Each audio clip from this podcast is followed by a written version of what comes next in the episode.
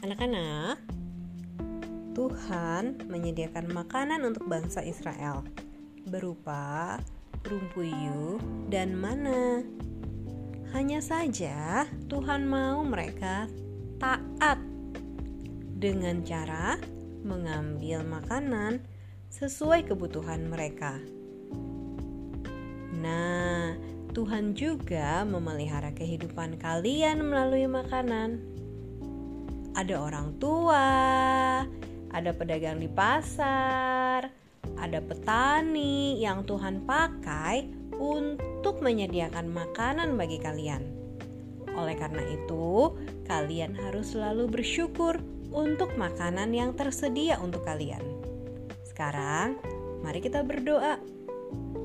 Tuhan Yesus, terima kasih untuk berkat Tuhan, untuk makanan yang Tuhan sediakan.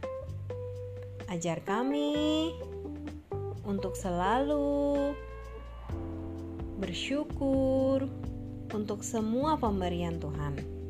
Terima kasih, Tuhan. Amin.